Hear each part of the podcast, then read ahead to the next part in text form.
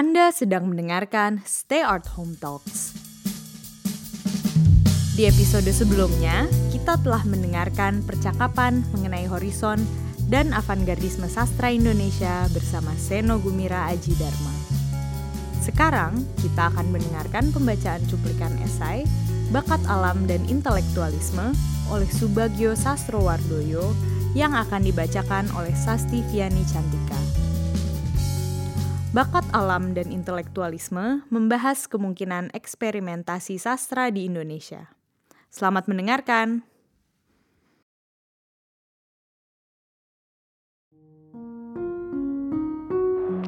Bakat alam dan intelektualisme Subagio Sastrowardoyo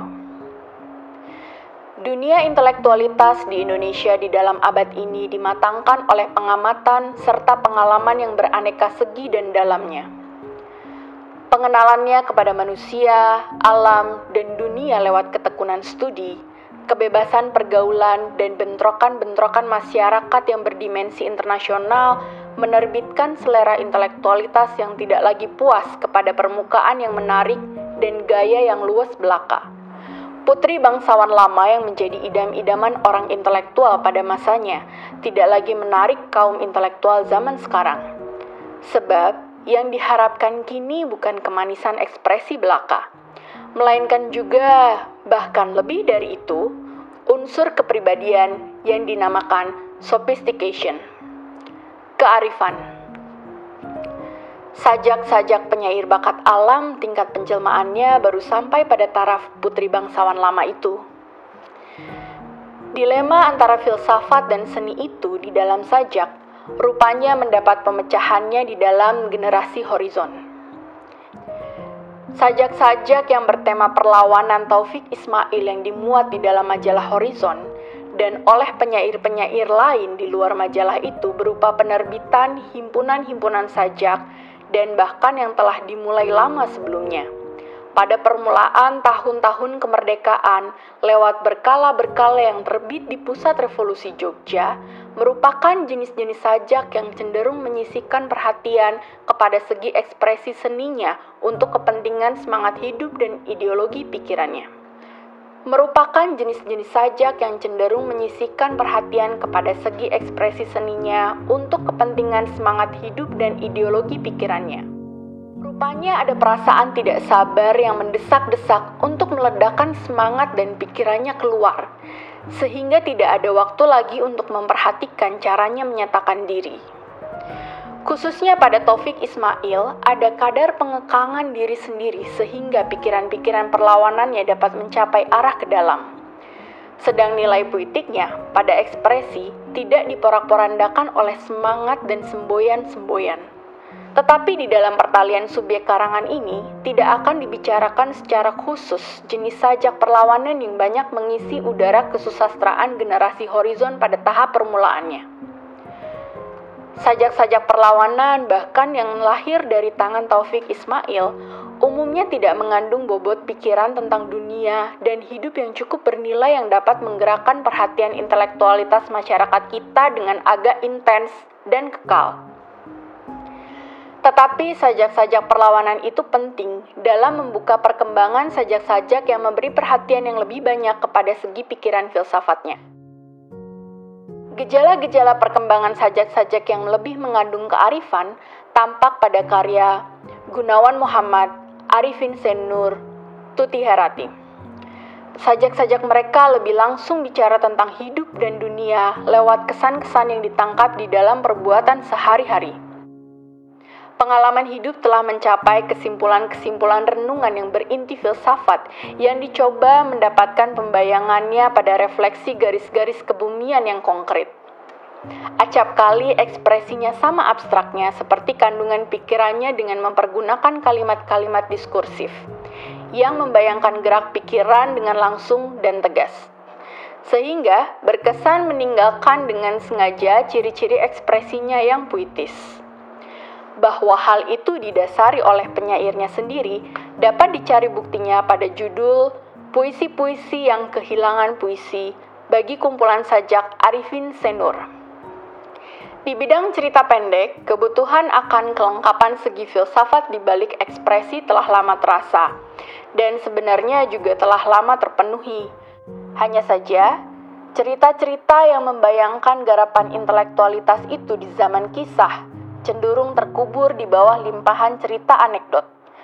Cerita-cerita hantu Riono Pratikto di generasi kisah boleh dipandang sebagai permulaan usaha untuk meningkatkan dasar cerita pendek dari realisme keinderaan yang rata gerak kejadiannya ke tingkat pengalaman yang lebih sanggup mengatasi penglihatan dunia yang umum dan yang disebut oleh Iwan Simatupang full gair.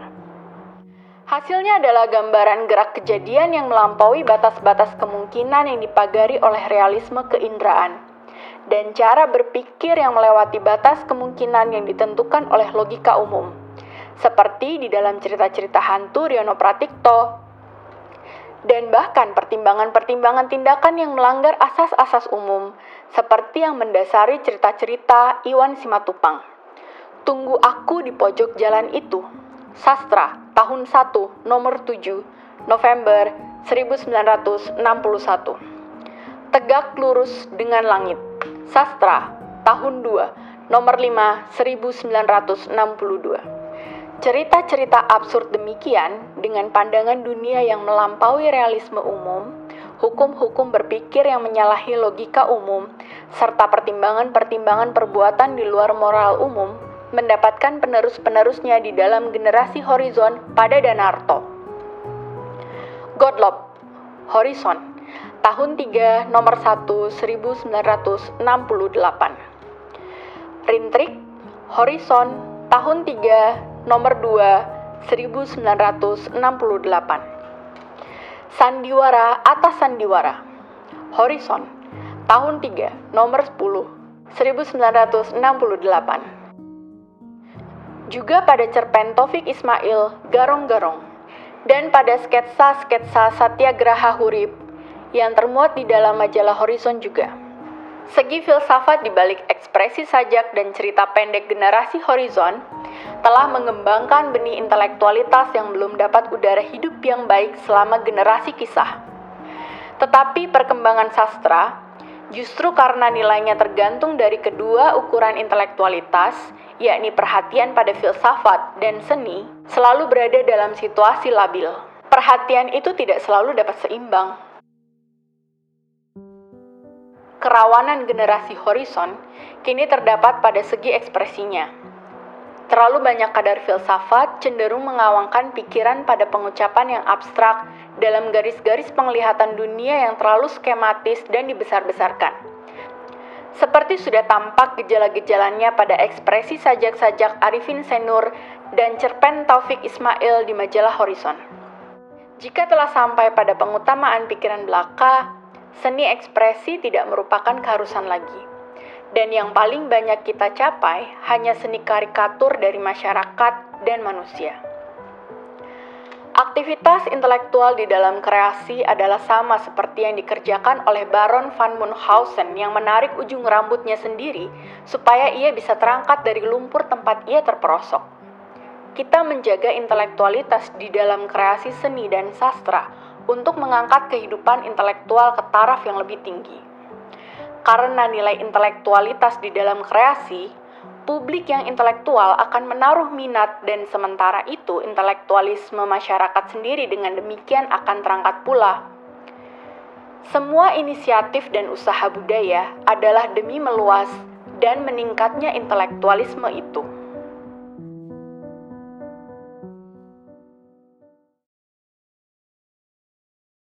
Demikianlah cuplikan esai Bakat Alam dan Intelektualisme yang selengkapnya dapat dibaca dalam buku karya Subagio Sastrowardoyo dengan judul yang sama dengan esai tersebut. Dengarkanlah percakapan mengenai karya-karya sastra yang membicarakan avantgardisme sastra Indonesia di Stay Art Home Talks. Pilih episode Horizon dan Avantgardisme Sastra Indonesia bersama Seno Gumira Aji Dharma. Sampai jumpa di Stay Art Home Talks berikutnya.